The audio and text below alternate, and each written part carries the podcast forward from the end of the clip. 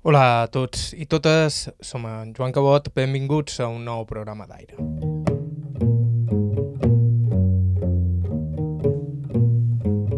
L'entrevista que escoltarem avui té uns quants mesos, però el testimoni és un personatge de categoria. Arquitecte, traductor i escriptor, Miquel Adrover i Mascaró, va néixer a Campos, però ha viscut molts d'anys fora del seu propi poble. De nin a Castelló i de més gran a Barcelona per estudiar arquitectura i on va entrar en contacte amb els moviments socials del tardofranquisme. De nou, a l'illa es va dedicar al seu ofici, l'arquitectura, i entre d'altres feines va encarregar-se de la reforma del cementiri del seu poble. El seu domini del dialecte campaner és una delícia i escoltar-lo vocar anècdotes de son pare, que treballava a la presó de Palma, és a la vegada esfereïdor i estranyament tendre. Com a traductor, ha estat el responsable de la versió catalana de llibres tan importants com el llibre roig de Mao, i com a novel·lista ha publicat, entre d'altres, La marrada i Els voltors. En resum, una vida increïble, digna de contar i d'escoltar, encara que sigui amb el xivarri de fons d'un dels bars més transitats del poble. Estau escoltant Aire a IB3 Ràdio, vos parla Joan Cabot, començam.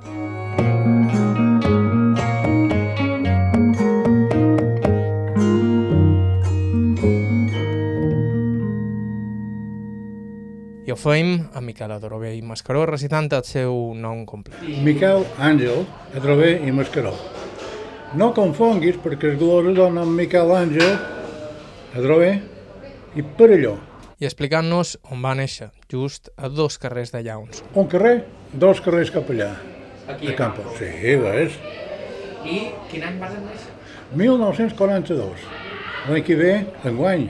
No, l'any que ve faré no, 80 anys. I la seva és una família campanera de sempre, tot i que part de la seva infància la va passar a Castelló. Mon pare tenia una germana. I mon pare, son pare, i de sa germana se va morir, que ell, mon pare, tenia 8 anys. I sa dona, que és per mi la dona que he admirat més, sa padrina, sa mare, Coloma, va sobreviure duent un cafè a la torre, que ara és la Banca Marc. Quan la guerra va començar, mon pare li mancava una assignatura per tenir la carrera de dret i ja no va acabar mai.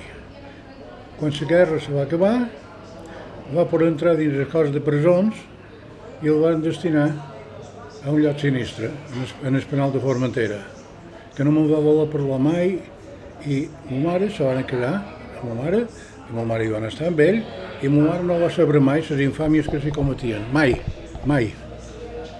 I llavors el van destinar a Castelló i jo des del moment que vaig néixer, que vaig néixer a Campos, els cinc anys primer vaig estar a Castelló, però això sempre, sempre que parlo de valencians, m'ix el valencià. Saps la dita que diuen a Campos? El que s'aprèn en el bres sempre és. I, i me surt campaner i castelloner. Una altra curiositat, son pare i sa mare eren... Érem cosins bons, cosins germans. I se van conèixer tota la vida. Perquè la branca de ma mare, el padrito meu, son pare, van tenir quatre filles i dos fills. Jo he tingut quatre fills i dos fills. I era pica pedrer i el va plegar la crisi de la filoxera. I la feina se va acabar. I van emigrar a l'Argentina. Van estar a Bahia Blanca, que era una ciutat en plena expansió, però que encara tenia caràcters del Far West americà. Per exemple, a mi, les ties, ma mare hi va néixer, però quan tenia 4 anys va tornar cap aquí. O sigui que les ties i els, i els concos que eren nats aquí se recordaven de més coses de l'Argentina que no ma mare. Cada any és cap en el sud d'Argentina, a mitjan lloc. Cada any el govern argentí enviava la tropa a matar indis per fer net perquè arribats a la població europea. I la cosa que m'ha impressionat molt, els guies que els eh, guiaven per matar indis eren indis. Era infàmia, eh? Una infàmia. I el, li va anar bé el padrí i quan ma mare va tenir 4 anys, que havia anat el 1910, ja van tornar cap aquí. Ja no se van moure de Mallorca. Llevat de ma mare i mon pare, Formentera, que ma mare deia que era un paradís. Sempre va insistir que eren una gent molt intel·ligent i bona gent. I llavors a Castelló, de la Plana, i quan, varen tenir, quan jo vaig tenir 15 anys, ja varen tornar. Són tres germans. I d'una altra cosa no va voler parlar mai. En varen parlar un poc perquè ho va contar ma mare i ma mare ho va contar. Crec que va ser l'any 50... 48 per mi era. Mon pare feia la feina a Caputxins, la presó deia, saps? I un matí, una, una nit, no va venir a dormir. Però ja havia avisat ma mare que no vendria. I l'endemà, a les 8, quan va arribar, que jo encara no havia partit cap escola, ni els germans tampoc, se va cubar. Allò se va posar a vomitar. És que per imperatiu legal havia hagut d'assistir a l'execució d'un condemnat a mort. El darrer, el darrer executat a Mallorca. Un menorquí que nomia Pere, Tudorí i Vidal. Li han donat garrot. I jo vaig sentir una vegada que no sabien que mon pare i ma mare ho sentissin i que mon pare li va dir vaig sentir el crac de les vèrtebres com se trencaven. I jo tota la vida m'ha obsedit, hi ha hagut temporades que he fet molts sons, molt fotuts, eh? que somiava que m'havien d'executar a mi. Com eren de personalitat els teus pares? Perquè ton pare tenia una feina molt dura. No, no gent ni mica dura. A la presó, a, a Palma, hi havia molt poc presos. Moltes de vegades, bé, mon pare estàvem a la Soledat, nosaltres, al carrer de sempre Sóc Calafat, quan varen venir, a una casa d'unes ties meves, d'aquelles ties meves. I era molt, tota la vida va ser molt caminador mon pare, i anava a Caputxins i tornava a peu. I mon pare, mira com era la feina que tenia, que molt, quasi la major part del temps tenia un dia de feina, dos dies de feina sobre un sense feina. I va arribar a tenir un dia de feina sobre tres. En total tres, dos de lliures i un dia de feina. I anava i venia de la presó. Llavors, al temps, ja varen, ja varen passar la presó en la carretera de, de Manacor, de, de Solla. I posteriorment van fer la presó actual. Però mon pare ja s'havia jubilat amb això. Mira, mon pare, que era molt franquista, no, mon pare volia que el deixessin tranquil, però la meva família era profundament franquista. La meva tia Francisca va ser la delegada de Falange de Campos. Mon pare, no sé per què sent tan franquista, en lloc de dir la plaça d'Espanya, de la plaça del Malnom, que posteriorment ha existit aquest nom, eh? dibuixat i tot. I mon pare era molt tancat, molt reservat i quasi no sé res d'ell, no mos contava gaire res, no va alçar mai mà contra ma mare. Uh, arribaven les dobbes, cobraven efectiu i donaven les dobbes. Ma mare comandava tot. Jo vaig viure una, entre elles i les ties, matriarcat vaig viure. Però llavors mon pare, a l'hora baixa, bé, dinava, llegia una novel·la del Far West d'en Fidel Prado, sabes? Gruesas gotes de sudor perlaven su frente i coses d'aquestes. I el cavall ramoneava, ah, feia un cafè, fumava un ideal i se ficava de nit al llit fins l'endemà del matí. I ma mare li deia, li duia a sopar en el llit, que no l'havia demanat, ma mare se sommetia d'aquesta manera, com a cosa natural. I de tant en tant, en l'hivern que feia fred, el sentíem nosaltres, els germans, que era, ai, fa un estat de Déu aquí. Només una vegada vaig sentir que ma mare deia, aquest home, i no teníem màquina de rentar ni res, rentava mamà. I ta mare com era? Era una dona molt guapa, molt plantosa, però molt insegura. Molt insegura. Tenia unes quantes amistats. Quan estàvem a Impressor Calafat hi havia una casa on hi havia una família de gitanos catalans. I van fer molt bona amistat, eren molt bona gent. Sobretot va ser molt amiga, i crec que encara en tenim una foto, amb una filla que teníem, que tenien ells, els gitanos, i només Ramona, i només tenia un braç. Me recordo molt bé que un dia que sortíem a passejar, vam passar per davant el pati de Cana Ramona, i ell, eh, ma mare la criar, ella va sortir, ah, senyora Llúcia, i me recordo molt bé que li va dir, em deixa que li faci un petó? I tu? Com, com eres de petit? Molt bon Allah, jo diria que beneit. i tot, sempre. No van haver de renyar mai de res, de res. Tornava a venir per fora vila perquè estàvem a ciutat durant el curs. Però jo, sobretot per impressió fet, el detestava, era terrible. I tot d'una que hi havia vacances, que se d'estiu eren tres mesos, venien cap a Campos. I teníem molt d'amics hortolans, sobretot, anàvem a caçar guàlderes, anàvem a fer de tot. I jo quasi vaig a ser un hortolà. I quan s'acostava la fi de les vacances, 15 dies abans, eh, de cap vespre, jo ja, davant d'idea de tornar, impressió que la fa plorava i plorava i plorava.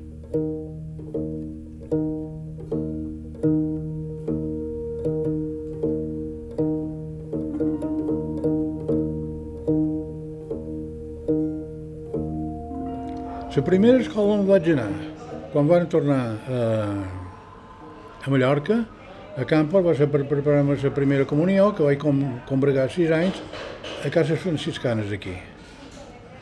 I ens va instruir una, una monja, tothom té bon record, Soraina, i quan sabien dir el credo, mos premiava amb una fava torrada, que era molt bona. Aquesta dona va morir a Sant Monja a Lluc. I encara l'anàvem a veure de vegades. I jo un dia vaig saber dir el, el Glòria Patri llatí perquè et nunc en semper tothom deia en un cansempa. I, I jo no sabia que era un cansempa, sabia que era un cansempa. I vaig dir nunc en semper perquè ho havia llegit. I va donar tres faves. Les oracions en llatí, tant a castelló com aquí, animalades que deien a Castelló, Regina in, Regina in Celum Absunta era Regina del Cielo a la turca. Llano a Celi, o sigui, una heretgia, supos. Llavors, deien, me'n recordo molt bé, no sé què volien dir, quinta estació, aquí esquilaron a Simón Sireneo. I aquí, Torres de Burnea, a Mallorca, a Torres de Burra. I tot per l'estil. No, van fer molt de bé les monges aquí. Se, se, se dedicaven al 100% als malalts. Anaven a casa seva. Jo vaig tenir una edat de... horrible, espero que no tinguis mai, de pedres, quan tenia 23 anys, i va estar una monja, cada dia tres vegades venia a fer-me injeccions de buscapina, és horrorós, un, do, un mal que no, no t'ho pots figurar. Diuen que és part de l'home. I jo sempre havia llegit molt, m'agradaven molt les aventures del Cachorro, si eren de, de pirates. Llavors, en Diego Valor te diu res. Això era sobre... Era una franquícia que van agafar d'un tal Dan Dare, anglès, que també era interplanetari. Això m'ho accedia, en Diego Valor. I tot d'una de molt jove, i vaig començar a llegir molt, Verne, Miguel Salgari i tot això, i comprava llibres d'ocasió a una llibreria que hi havia, que tots heu conegut en les carreres zones d'ocasió, davallant quasi a baix de tot, cap a la Rambla, a mà esquerra. Teníem moltíssims de llibres estrangers perquè replegaven llibres que els estrangers havien deixats en els hotels. Els compraven i llavors vaig voler estudiar a Barcelona, arquitectura, i que m'hi va ser molt clar, ton pare no guanya prou dos vespre això, i bé, jo faré feina. Jo sempre havia tingut la mania d'estudiar català, el dominava molt bé, ja, molt bé, el català literari, i em vaig comparar contacte amb gent de Barcelona, qui tot d'una, per fer que fos mallorquí, se van obrir. Tenc, tenc un record meravellat de Barcelona, de la gent. Mon pare no s'hi va oposar mai, al contrari, només de, eh, que em sortirà poeta, perquè català era poesia era per escriure poesia. No s'hi va posar mai. Mo mare, ai, com la bonito que era el castellano, dic, mo mare, no, no vull provar foraster, no, no, i no hi van fer resistència. I vaig començar a traduir, en total vaig traduir 71 llibres, de francès i de italià, i un del portuguès, en català sempre. I vas estudiar català? Eh, era fàcil estudiar català en aquella època? No, no, jo ho estudiar per mi compte, tot, tot. Comprant llibres, per exemple, el diccionari Pompeu Fabra, quan el van endur va haver d'amagat, eh, com a contraband, perquè era prohibit. No es que entrassin en les cases i diguessin voleu de parlar per el castellà. Hauria estat inviable això, però va ser tallar completament la tradició cultural, completament. I el, que, el mallorquí era vulgar. Ara ja anaven setins i no parlava ningú castellà. Ningú. Ara te'n diré una altra, que no ho dic per un fa un pot de vergonya. De no me van parlar castellà a mi, perquè havíem estat anats a Sant Castelló, quan vaig néixer se van parar a parlar-me mallorquí. I el meu padrí, padrí de fons, que diuen Rafael Bastard amb el nom, era Puig. Quan va saber que havien d'anar a Castelló, aquest nen no n'hi ha, no va enlloc, en som mallorquí, el dia de parlar castellà, van parlar castellà. Però un castellà horrorós, perquè a Castelló no parlava castellà ningú. I quan vaig tornar aquí, les ties, que eren autoritàries, i que no sepamos, i els germans també, que habéis hablado mallorquí con nadie, pensant que ara mos van donar corda. I va arribar un punt que jo, el castellà, eh, de vegades em parla un sol germà, dic, vos no recordeu que hi va un temps que parlàvem foraster, nosaltres, no és foraster. I m'ha passat, he perdut tants el castellà, no he escrit mai en castellà, te contaré dues anècdotes. Una la meva dona, que era francesa, parlàvem francès entre nosaltres, però ella parlava el català perfectament, però entre nosaltres francès. I els nostres infants han estat bilingües, català, escoles, germans, germanes, tothom, tothom, tot campus, la parlava mallorquí sempre. I sa mare francès. I com que la família francesa venia sempre a seguir per aquí, ell feien vacances a França, han dominat el francès com a llengua, i jo com a segona llengua. I m'ho vaig oblidar tant del castellà que Santa Parira una vegada la meva dona va passar una cosa molt còmica. Ell cercava no sé què d'un magatzem antiquari no sé què a l'hora Notre Dame per allà. I la cera era ampla, la, la riba de got. I jo em passejava i van passar cinc joves espanyols. I cercaven i tornaven, ja. I jo els vaig ajudar. Dic, buenos días, me parece que vais perdidos, porque ese C no se puede pronunciar mai. Vais perdidos y yo conozco el barrio, os puedo ayudar. Ah, muy bien, muchas gracias. Y vaig treure un quadernet i el vaig un croquis. Cercaven el centre Pompidou. I van ser molt amables. Y un me diu, pero todo bastante bien el español. Y yo, bueno, se hace lo que se puede. Y un otro me diu, yo conozco tu acento, yo sé de dónde es, tú eres serbio. Sí, de Belgrado. I quan tot el vaig dir, per aquí. A Campos això era un bloc lingüístic. Poquíssima gent, els, els, els immigrats s'integren aquí. Jo conec fills d'alemanys que parlen com de jo, i de marroquins encara més. Jo l'únic que parlo bé, bé, bé, bé, bé, bé, és el campaner. Tu que saps que ets la buscareta? Bé, només ho diuen camp per fer la nit. Ara plou i passa torrent pel carrer. L'aigua arriba a un cert nivell, aquí. Quan se'n torna deixa una ratxa de pols i brins d'herba, això és la. Marca el nivell màxim d'aquestes. Fer una mort de bòtil, és una mort sobtada, un bòtil de vidre si cal foc. Puf! I el campaner és molt ric.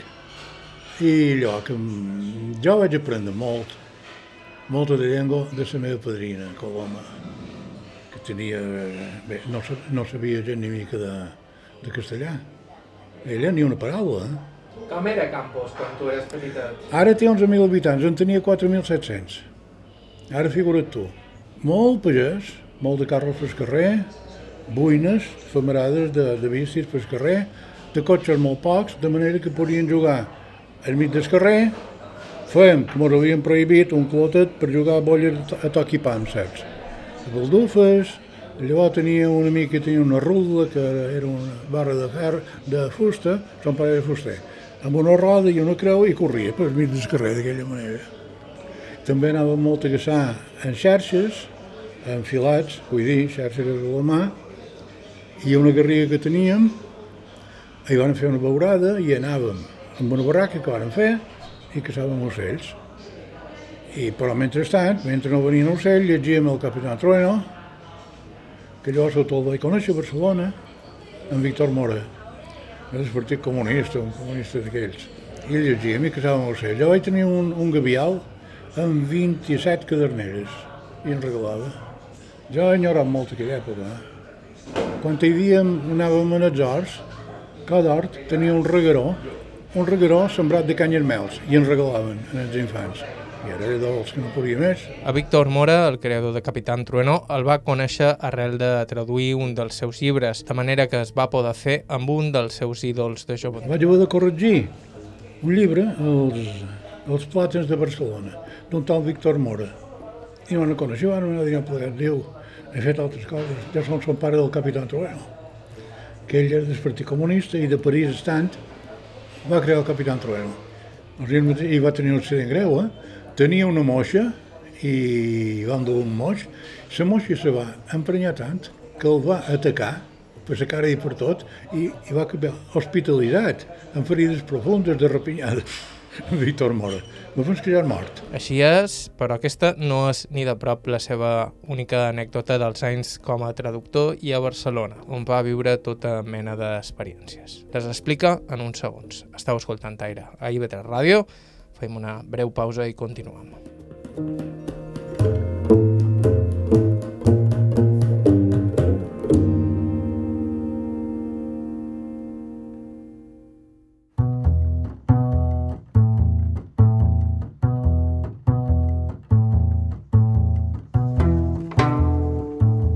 de nou, som en Joan Cabot, estàu escoltant Aire. Nosaltres avui som per Campos, Mallorca, amb l'escriptor, traductor i arquitecte Miquel Adorobé i Mascaró, nascut el 1942. Fa una estona, Miquel Adorobé ens parlava dels seus anys de formació a Barcelona, on va anar a estudiar arquitectura. Provinent d'una família humil que no li podia pagar els estudis, Adorobé va trobar una manera poc habitual de mantenir-se, la literatura, sobretot la traducció. Contactes que tenia a Barcelona, amics, d'amics, d'amics, me van trobar feina com a traductor. Uh, una editorial ja desapareguda, Esteles, de edició 62. Edició 62 varen publicar, me penso que va ser edició 62, jo vaig ser corrector d'estil d'en Baltasar Porcel. Per això no se va dir mai, me va demanar que no l'escampàs. Però el pobre ja és mort, i mira. I havia publicat articles en castellà a la revista Destino, viatges per les Balears i coses d'aquestes, i ho va arreplegar tot en dos llibres en català. I em va demanar si volia traduir, me va pagar bé i me va regalar un moix a mare damunt, que estava a Vallvidrera, ell. I la característica principal de d'en Baltarà Porçal no era humilitat, ni d'estona, eh? era molt, molt estofat. Va dir, està molt bé, això m'agrada molt, quasi tan bé com si ho hagués fet jo. I perdona, però estava molt, més, molt més català la meva correcció. Ell escrivia castellanades, figues roges, per dir, no figues no mai roges, vermella. Tia Francisca m'ho va dir, la tia Francisca, com aquesta moltes. Tot això jo l'anava corregint, ell deia que sí, sempre, i m'ho va pagar bé. Sempre estava a la defensiva. Un dia, conversant, i deia, no em va estudiar tot, no em va estudiar a Mallorca tot. Diu, per què? No, per res. Diu, l'Acadèmia Cots que eren els carrers en Feliu, a mà esquerra, de Baroncina que hi havia. I vaig arribar a traduir 27 llibres. I un dia se m'ho van presentar uns coneguts d'un coneguts que eren del suc. Se m'ho van presentar a si volia traduir un llibre, el llibre va dir mal, però m'ho van donar en castellà i en, i en francès. Ho vaig traduir. I se'n van anar a l'ambaixada d'Espanya, no, en el Partit Comunista d'Espanya, però a París, els comunistes espanyols em van dir que no, que no sabia traduir en català. I ells van entrar en contacte amb una espècie editorial, no sé què, de Perpinyà, i se va editar. En tenc un, per aquí. Però saps allò, els imperialistes són tigres de paper i coses d'aquestes, tot per aquest. I d'altres llibres, sí, em vaig a una editorial aquí se de Taber, va fer una sèrie que sortia en castellà i en català. En castellà els escrivia un tal, que no vaig arribar a conèixer, Mariano Hispano, i en català jo. Fins que un dia havien de sortir un ritme d'un i mig cada mes, que era moltíssim. I en Mariano Hispano se va posar malalt i van dir que n'escrigués un. I ho vaig escriure. És la novel·la més dolenta que he llegit mai, però, perdona, no m'agrada dir això, però una merda. La vaig acabar mentre bailàvem una tia meva que s'havia mort. I, i això va publicar i, i encara existeix. Aquest llibre cor per aquí per allà d'ocasió. Jo havia, m'havia arquitectura una carrera feixuga, eh, havia de passar molt de temps estudiant i fent feina. Els meus amics anaven de gandaina i jo a traduir, a traduir. A les mateixes classes d'arquitectura. I ara vaig estudiar a casa meva i traduir. I durant les vacances jo vaig fer una cosa. A través d'un germà meu, de en Joan Antoni Hermenut, que és guia turístic també, me vaig fer guia turístic. So, són d'italià, alemany, francès i portuguès. I se guanyava, se guanyava molt de dobbers, eh? Molts. I on feies de guia? Únicament a Can Barcelona, viatges a Barcelona. Hi havia aturades d'interès comercial a Can Guardiola, que hi compraven els turistes, a Can Alorda, que hi compraven els, italians molta de pell, els italians compraven molt, i res. I hi havia, eh, havien de vigilar els, turi, els, xofers i els guies sempre ens revoltàvem la caixa per veure si compraven o no compraven. I vaig viure qualque cosa molt divertida. Hi havia, hi havia tres autocars d'anglesos i un que no era. I amb això un jovenet ros, molt finet així, va anar a la caixa a comprar. I li van demanar el tiquet. Una caixera mallorquina diu, your number, please? Your number, number, number. I ell diu, Joaquín Ruiz. Ara no feia molt feixuc a fer de guia, perquè se podien posar malalts, una excursió que vàrem tenir, que vàrem fer a Formentor, d'esport de Pollença, on el turista li va pegar, tornaré a peu, i va prendre carretera, el Colomer per allà, i vam anar a repescar. Era llarguíssima la carretera per allà. Un altre se va posar a vomitar sang, i se va dir, no, no, res, que el varen operar de l'estómac i... I qui veniu a fer una excursió? Com aquestes. Es feien tot bé, eh? No, això. Era incipient encara. Se, eh, varen celebrar, però amb grans festes, la premsa i tot, el, l'hotel número 1000 a Mallorca. I ara que n'hi pot haver, 3.000 o 4.000. Però repara una cosa, que aquests anys darrers, ja començant, abans de la pandèmia, la població alemanya a Mallorca ha minvat, bastant. El que hi ha a Campos és una certa immigració italiana, però aquests s'integren, se amb mallorquins i són mallorquins, ja està. Quan vas acabar la carrera d'arquitectura? Se va allargar perquè havia de fer feina, perquè llavors vaig fer un, mes, un any i mig de servei militar a Marina, que vaig estar a Cartagena i en el Port de Solla. Llavors, clar, les vacances completes, res.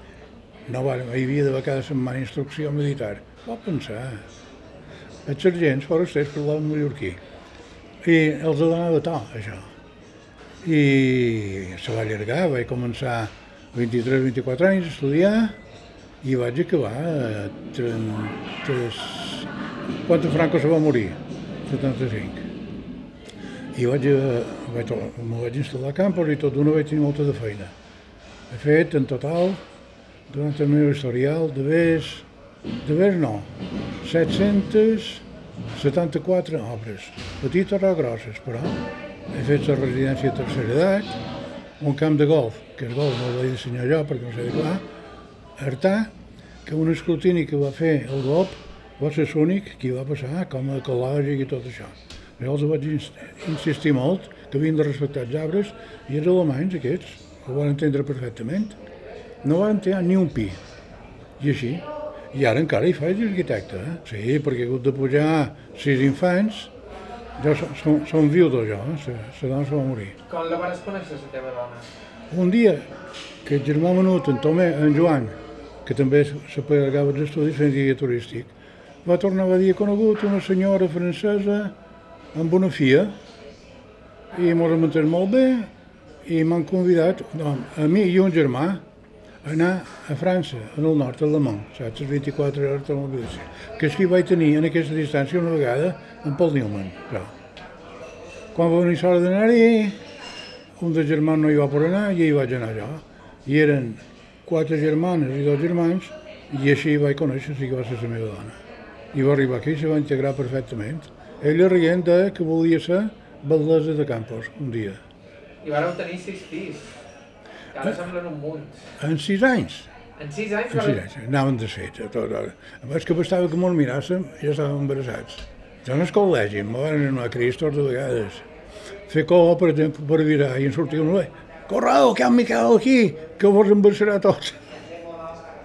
Sí, en sis anys, sis. I ara el gran té 42 anys.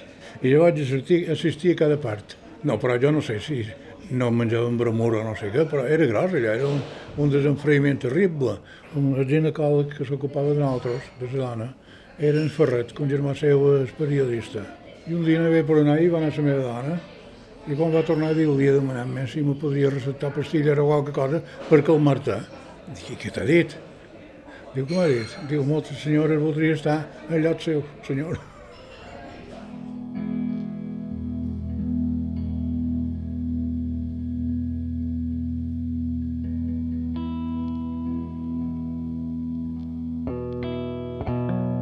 Abans de tornar a Mallorca i sa pare, però, Miquel Adorobé va viure de prop l'ambient polític dels darrers anys del franquisme, també el món editorial català del moment, que ell recorda com un entorn Molt, molt amable.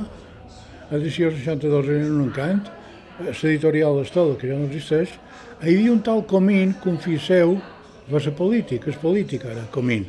Eren aragonesos, completament catalanitzats. Eren, jo t'ho diré, m'ha donat en Miquel aquell llibre a traduir, pensa que aquí t'hi de mirar més per això i l'altre, i el me donaven. I me n'anava a casa meva, traduïa amb una màquina, tal. No, hi, no hi havia ordinador encara, eh? I la meva màquina no tenia accents greus, i els havia de marcar tots, allò. I com que jo era corrector, no me corregien els llibres, era un xalà. I me pagaven en efectiu, molt puntualment, sempre molt bon tracte. Quant de llibres vas traduir? Quant de llibres has traduït? 71 en total. 71. I de quin estàs més content? Saps el David Strauss, el filòsof francès d'aquest? Aquest- D'aquest. I de, de francès també Michel de Certeau, que és escrivia sobre religió també. De l'italià una enciclopèdia per una altra editorial d'Anna S.D., uns quants de volums, també d'aquest. A més, que llavors jo estava molt enamorat d'una brasilera japonesa. I també hi venia per allà, i, i del llibre d'en Mao, també. I jo que era un estambai comunista. Eh? Ah, no t'havia dit. A Barcelona vaig a ser part de l'equip de rugby de l'escola. Però aquesta trencadura, vaig la segona, d'allà de, de fer melés, sí. I, I res, va ser molt divertit. També ja era suplent un parell de vegades, però no vaig arribar a jugar. De la Samboiana, de, de rugby. I d'aquí supos que ve que he tingut la salut sempre, i com que estava molt fort amb això, també va anar, anava al gimnàs, tot això, els companys de ruta meus de, de, del Partit Socialista Unificat de Catalunya, que eren molt tendenciosos, i Miquel hem de tenir una reunió amb uns que no ens posaran d'acord i hauries de venir per ser, dic, ah, per fer de goril·la. Sí. Dic, no, jo no vinc a fer de goril·la enlloc, a més, som amics i molt bé, però, però home, volien que no és fer de goril·la. No, és que tu estàs molt fort. Traductor i goril·la. No, no hi vaig arribar a fer, però volia que hi fes. Com que tot d'una se pensaven que jo era comunista i no ho vaig ser mai. Parlem també de la carrera de- d'arquitectura, perquè en aquell temps es donava per fet que només hi accedia a arquitectura certa classe social. No, hi havia especialitats. I la meva va ser urbanisme i paisatgisme. Els jardins sempre m'han interessat molt. Això, això hi havia. Dues varietats. Estructures i urbanisme. I projectes, naturalment. Però sap què passa? La preparació que vàrem rebre va ser dolenta perquè va agafar tots aquells anys de vagues, corredisses, corregudes davant els, policies, que eren cellet, els policies feien riure molt. Quan passaven a cavall, així, que no hi havia castanyes encara, però descat d'una estona ja n'hi hauria, els cantaven la cançó de Bonança, però en la lletra. Saps allò, pap, pap, pap, pap, els cantaven. Els cantàvem tan maricón és el que com el que toma, i s'emprenyaven, i mos encalçaven. D'aquí del venir que vaig tenir bones cames sempre. Una altra vegada, a un dels jardins, hi havia un teix, que era una, un arbre, de monumental a granja dir, però alerta que és altament verinosa, i me vaig anar a cuir llavors per sembrar-ne aquí. I cuia, amb això me fan així, vaig ir, dos grisos. I els havia pres les mides en aquests i sabia com els havia de parlar. Què està usted haciendo? Dic, no, recogía semillas de taxus baccata para transportarlas a Mallorca. Y me diu, continúe con la recolección, pero no perjudica el vegetal. I se'n van anar. Miquel Odorové va tornar a Mallorca l'any en què morí Franco. Però abans encara viuria en primera línia un altre fet històric, l'execució de Salvador Puig Antic. Com hem dit, ell va tornar El 76, que dos anys abans vaig veure una cosa que em va marcar bastant I ho vaig treure dins la primera novel·la que vaig publicar aquí, que va ser La Marrada, que va ser el dia que van executar en Puig Antic. Que jo vaig anar en còctel molotov, tot això, a tirar-ne, i hi va molta de llenya, molta gent ferida, la policia. A més, jo, jo i molt d'amics ploraven perquè un al·lot de la nostra edat l'havien executat i ens van refugiar un lot que llavors va resultar que era de Girona i van comprar cafè per dissimular. I van acabar en el seu apartament dins del llit. O sigui que agre i dolç. Jo vaig saber, per mon pare, per un amic seu, que la policia tenia una fitxa meva. I deia, nacionalista, independentista i tot això. No se conoce tu tendència política. A veure, nacionalista, eh, diguem d'esquerra, però no comunista. Ah, darrera frase. Se sabe que, con, que frecuenta exposiciones y conferències. És gravíssim, eh? El dia que en Franco se va morir va ser gros. Els amics del País Basc que teníem, que sempre tinc una bona amistat, encara era perdura, un bons quants. Pacha muerto! I s'enquetaven pel carrer cridant, cridant. I els grisos estaven desorientats, no sabien cap on, cap on havien de prendre. I eh, era, era una explosió. Un cop a Mallorca, Miquel Adorobé es va, de, es, Miquel Adorobé es va dedicar al seu ofici, l'arquitectura, o com diu ell, a ser arquitecte pagès. De, de, de la ruralia, però vaig fer obres importants. Jo, per exemple, vaig ampliar el cementeri de Campos i t'he de dir que els estadants no han protestat mai, eh, sempre. Qui talla, qui calla, atorga. No m'han protestat mai de res, i ahir vaig ser. Que sí, va arribar molt amb una cosa. Hi ha una tomba, ja fa molts anys, que té un àngel, les cames engravades. I la gent, qui no ha estat mai passen, miren, fan un parell de passes i tornen i miren. I és que tens dos peus girats cap al mateix costat. I llavors vaig fer la residència de tercera edat, que ara ja són mortes, però les primeres monges que hi van estar me feien unes besades quan anava, molt contentes. Pensa tu que aquesta residència darrere té un hortet i la verdura que, que mengen es cuida d'allà, de l'hora, i n'estan molt contents. Se va discutir si se faria entre Campos i la Ràpita, fora vila, però jo m'hi vaig oposar perquè mantenia que havien de tenir contacte en casa seva, en la família, sobretot les dones. Tu haguessis vist les dones vees que prenien el camí de la serra a tota màquina fent marxa, de saníssimes estaven. Parlant de dones, la seva el va deixar amb sis nins, dels quals es va fer càrrec durant un grapat d'anys. Una experiència que en part va esperonar la seva necessitat d'escriure. Jo vaig trobar tot sol, jo, amb sis infants, entre 9 anys i 3 anys. És horrorós. Quan la cosa va començar a estar bé, que va començar... Jo sempre vaig pagar viatges a França perquè ve sense mare. Tot li va anar malament. Eh, Salmon va se'n va anar, va resultar que era alcohòlic i tabaquista. I des cap de pocs anys se va morir d'un infart. I va telefoniar un dia i diu, té una, una mala notícia, té càncer de pàncreas.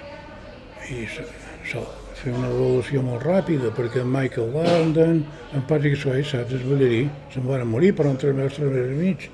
I la meva dona, en medicina natural i tot això, el va allargar sis anys i mig, patint horriblement. Era una rosa molt guapa, les darreres fotos que tens seves, per així que tenia 100 anys. I, i ara estan a França els meus infants, perquè la darrera etapa, jo vaig tenir 5 anys a tot sol, Llavors vam voler conèixer sa mare i se n'hi va anar. I llavors jo sí que m'ho vaig esfondrar. I d'això em va sortir la base de la novel·la El Voltors. Per això, d'un arquitecte que se dona sa mà. I va, va ser el teu debut literari?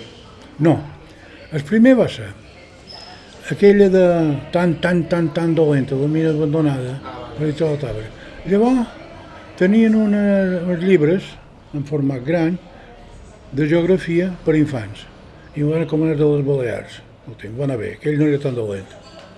I ho vaig deixar anar, tenia altres feines. Però ja quan la meva dona se'n va anar, que havia de m'estar a fer bugada, perquè du, un caos terrible, jo, jo que vaig, vaig tornar a l'Oco, que diuen a Campos, vaig escriure La Marrada, que és una road movie, on van editar El gall de Pollença. Un gall. Llavors vaig escriure... Ah, no t'ho havia dit Durant dos anys, quasi tres, vaig ser voluntari en el projecte Home. Jo no m'he drogat mai, eh? cafè i gràcies. Allà vaig conèixer ambients molt interessants. Una gran part dels que segueixen eh, el curs aquest recauen. I un dia va publicar document a Balears, saps? Un dia va començar, eh, de vegades jo tenia guardes de cap de setmana, i eren dos dies seguits. Solia ser molt avorrit, perquè la major part de residents eren a casa seva, que anaven, i va compareixer un home, amb una cara que feia por, no? d'emprenyar de, de, i de tot. I caminava i caminava, sortia al camí i tornava, no conversava amb ningú. I jo m'hi vaig presentar, som que està molt bé, bé, bé. La setmana que va següent se va obrir. Aquest home sortia d'un tractament de drogues i de 29 anys de presó. Nomia José María Parreño Ocendo. Havia estat 3 anys condemnat a mort, agarrat, perquè ell i uns amics, que ja, ell va començar a delinquir de menut, de molt menut, reformatoris i tot, van entrar a un puticlub del Grau de València que se deia Don Cicuta, i en tirs que hi va van matar una de les lotes. I en tres el van condenar a mort. Cinc, cinc, el van condenar a mort. I després el van indultar. I ell va fer 29 anys de presó. I quan va sortir se va trobar desemparat, jo li vaig fer cas, se va fer una lota, també coneguda d'allà, del projecte Home, i m'ho va començar a veure. I un dia me va anar contant les històries de la seva vida, que era, i me va demanar que l'escrigués. I vaig escriure una novel·la que es diu L'home del dit tallat, perquè no tenia aquest dit i va acabar molt malament tot, se va pregar a Salota, Salota crec que el va deixar i se va suïcidar. Una històries horroroses. Eh? El no, no te pots imaginar que és la vida esperant que d'un moment a l'altre te poden dir anem cap en el garrot. Sempre, aquesta espasa damunt. Quan van abolir la pena de mort, va anar, però com hi va el cop d'estat d'en Tejero, se parlava molt de tornar enrere i tornar a implantar la pena de mort. I els haurien pogut executar encara. Se va, se va fugar un parell de vegades, una va ser pagant molt de dobbers a una funcionària de presons i va haver de refer dobbers assaltant bancs a València i sobretot a Madrid. Se va embolicar amb una lota i la lota era còmplice d'aquests robatoris. I diu que era molt freqüent que s'hi havia robat, per exemple, 40.000 euros, els bancs declarats, amb vista d'assegurança, que eren 80.000. I com altres delinqüents que he conegut en tot això, quan topen qualcú que els entén i els fa cas i els encobeix un poc, mostren una, una, una, uh, un agraïment extraordinari. Llavors vaig escriure El Voltós, que aquest El Voltós el vaig escriure una tirada en quatre mesos, perquè va ser allò que deien una catarsi, saps? Ara en tens dues en marxa. Una serà dues, al mateix temps escric. Aquesta, l'estiu de la plaga. L'estiu de la plaga tracta que al començament de l'estiu a Mallorca esclata una epidèmia. Aquest llibre consta per entrevistes que me van fer la revista Ressò de Campos i ara Balears, que el D8 ja el tenia llest, o sigui que no hi havia Covid encara. I faig sortir aquesta nota perquè molta gent no diguen, eh, oportunisme, en la Covid. No, no, no, no, no. Tenia la novel·la llesta, fa feent abans, abans que se parlés del Covid, aquesta. I ara n'escriu una altra sobre els ocupes, aquesta qüestió d'ocupes. Eh, hi surten molts, hi surten molts qüestió dels alemanys en els meus llibres. Perquè he trobat alemanys com a arquitecte, he tingut cremull d'alemanys per fet de parlar alemany i aquesta tractarà sobre ocupes. Aquesta qüestió, estic molt d'acord ja, que ocupin edificis que ha comprat un banc, fan gent que el tenen desocupat, però entrar a cases particulars no hi pas per aquí, i a Campo n'hi ha hagut un parell de cases d'això. Un alemany que estava a Artà s'havia fet una caseta fora vila i hi vivia, s'havia integrat molt bé, tenia arbres fruiters, de, de cases antigues, mallorquines, pomeres, marineres, danieles, tot això, i se'n va anar a veure un fill que tenia a Alemanya, quan va tornar se va trobar la casa ocupada. Van a denunciar la Guàrdia Civil, la primera cosa, no gosis alçar la mà contra aquesta gent. Va contractar un misser, això, i tot, tot li va, tots, ell i la jutge el van emmorsar com si fos culpable de res. Pobre de tots si fa res contra ells. I l'home se va penjar. Se va tornar a la mà i se va penjar desesperat. I del tracta d'això. En venjança, perquè també m'he informat bé, he conegut uns quants de sicarios colombians. I tu pagues, volen que matis qualcú, paga i, i el maten i per avall. La meitat abans i la resta, el 50%, quan ja és mort. I això un amic italià va desembarcar a Cartagena d'Índies i se n'hi va acostar, li va dir que li faria dones, drogues, tot, i si ha de mostrar qualcú, tenia un bon servei de, de sicarios. I tractarà d'això, que, que fica contractarà sicarios que vindran a Mallorca. Perquè això, ara riuràs.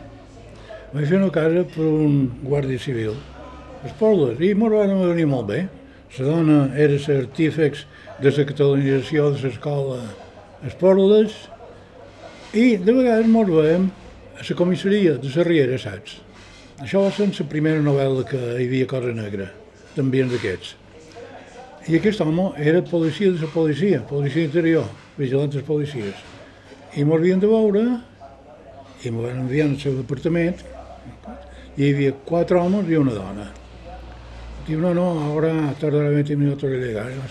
Y uno me dijo, ¿tú eres aquel que escribe novela negra? Sí. Pues si te interesa, ven a hablar con nosotros y te contaremos cosas que ni te imaginas. I m'ha servit molt.